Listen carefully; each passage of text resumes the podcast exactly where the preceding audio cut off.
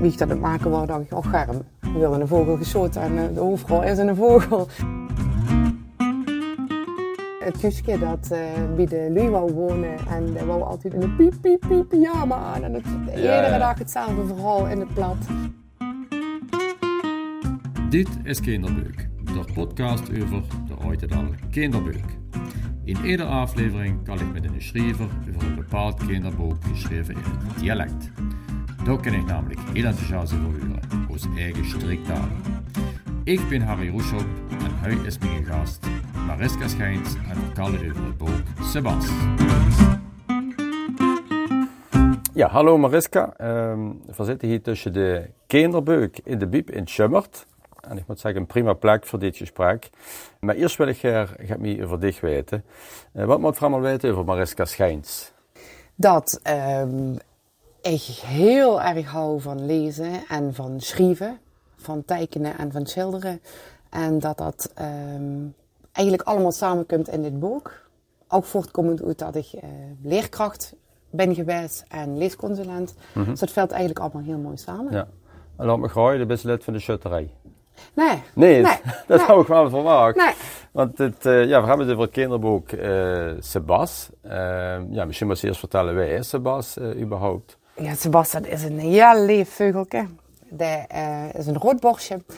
En dat wordt geboren als laatste uit zijn nest. Mm -hmm. Want hij geen rijden moet zijn eten komen totdat er de klanken van de schutterie hoort.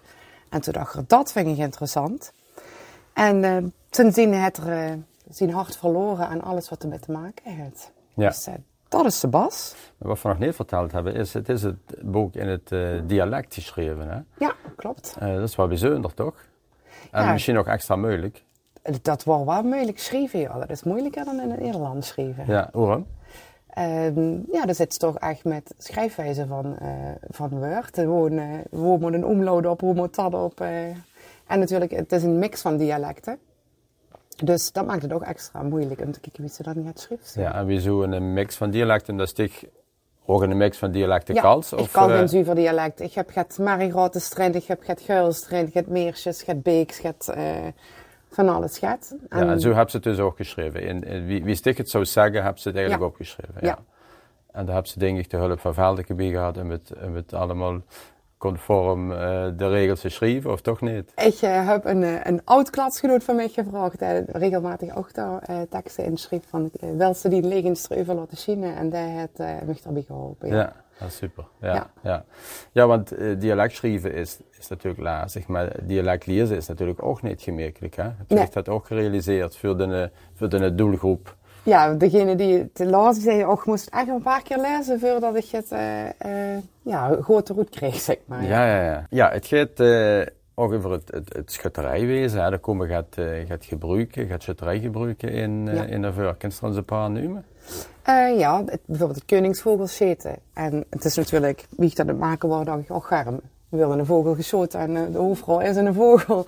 Dus ik heb daar de betekenis um, eigenlijk achter weergegeven dat het, uh, het teken eigenlijk is van het nieuwe leven als die vogel werd geschoten. Ik denk, oh, dat vind ik wel mooi in het kader van de eikens in het nest. En, uh, Ja, en dat is inderdaad de diepere betekenis achter het, het vogelscheten, inderdaad, bij schutterijen. ja, er zijn meerdere uh, uitleggen bij, maar ook het, het teken van, van nieuw leven. Vruchtbaarheid zit er ook wel achter. Dus bij alles wat ik gemaakt heb in het boek, dat, dat, het kind moet het beleven eigenlijk en de volwassene moet het weten. Zo Ja, ja, is het eigenlijk Ja, ja, tot stand gekomen, ja. ja. En nog meer gebruiken wat erin staat, bijvoorbeeld? Ehm, eh, de, de processie bijvoorbeeld, de bronk, eh, dat soort dingen. Ehm, maar ook eh, wie kinderen het ervaren. Bijvoorbeeld dat ze op zo'n schuttenwei lekker eh, met die vriendjes bij gaan zitten en de chips gaan eten. En die amuseren ze op die wei, terwijl de volwassenen hun ding aan het doen zijn. En de muziek, Ja.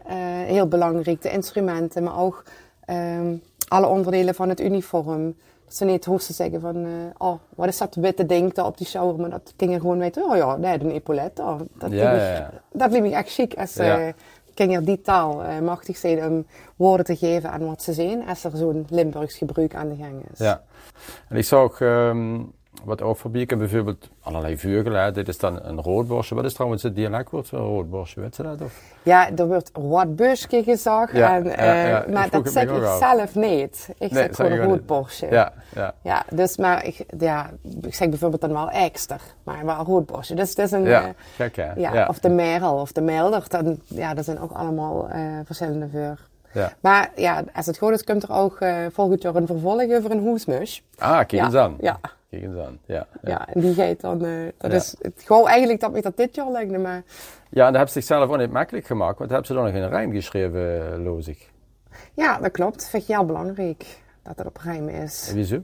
Omdat eh, vooral als het op een jong kinder gaat, eh, de klankontwikkeling, ehm, dat gaat heel goed doordat als dingen op rijmen gaan. En dat is ook Ah, veilig. Dan blijft het ook meer hangen. Zoals dat gaat, gaat rijmen, dan beklijft het beter. Ja, en. Kinderen hebben dan ook het idee dat ze, dat ze kunnen lezen. Als je, als je bijvoorbeeld zegt van nou, Sinterklaas komt op de boot en dan krijg je een lekkere noot. Oh, ik weet wat gaat komen. Dus dat geeft ook een gevoel van competentie als ze eh, door rijmen eigenlijk gewoon weten wat er gaat komen. Ik ga dadelijk weer met Mariska, maar eerst wil ik u graag wijzen op het volgende. Op de website limix.nl vinden nog meer podcasts in het dialect en podcasts over Limburgse onderwerpen. Ook Loesterbeuk voor kinderen in het dialect kunnen daar vinden en beluisteren. Dus ga naar limix.nl en loester plat. Goed, we zijn weer terug eh, bij Mariska Schijns en we hebben het over het eh, kinderboek in het dialect eh Sebas. Ehm hoe ik nog benieuwd naar ben, eh, Mariska, is wat is die favoriete kinderboek eigenlijk? Het, mijn favoriete dialectboek, dat is eh Keubeke Kuus Ja, tuurlijk. van Peter Brouwers. En dan het liefst eh voorgelezen door Phil Dumoulin. Dat was ook mijn Nederlands leraar op de PABO. En eh, ja, Keubeke is prachtig. Ja. En dat is ook wel leuk, dat gaat over een kuus. En mijn oma, die vertelde altijd verhaaltjes voor het slapen gewoon in het plat. Altijd hetzelfde verhaaltje, ging ook over een kuus. Dus, eh, En die vertaalde dat dan uit het Nederlands, eh, denk ik, of wordt er toen ook al... eh, Dat was haar eigen verhaaltje. Dat ging over een, een, een kuusje dat bij de lui wou wonen. En die wou altijd in een piep, piep, piep pyjama aan. En het, iedere ja. dag hetzelfde verhaal in het plat.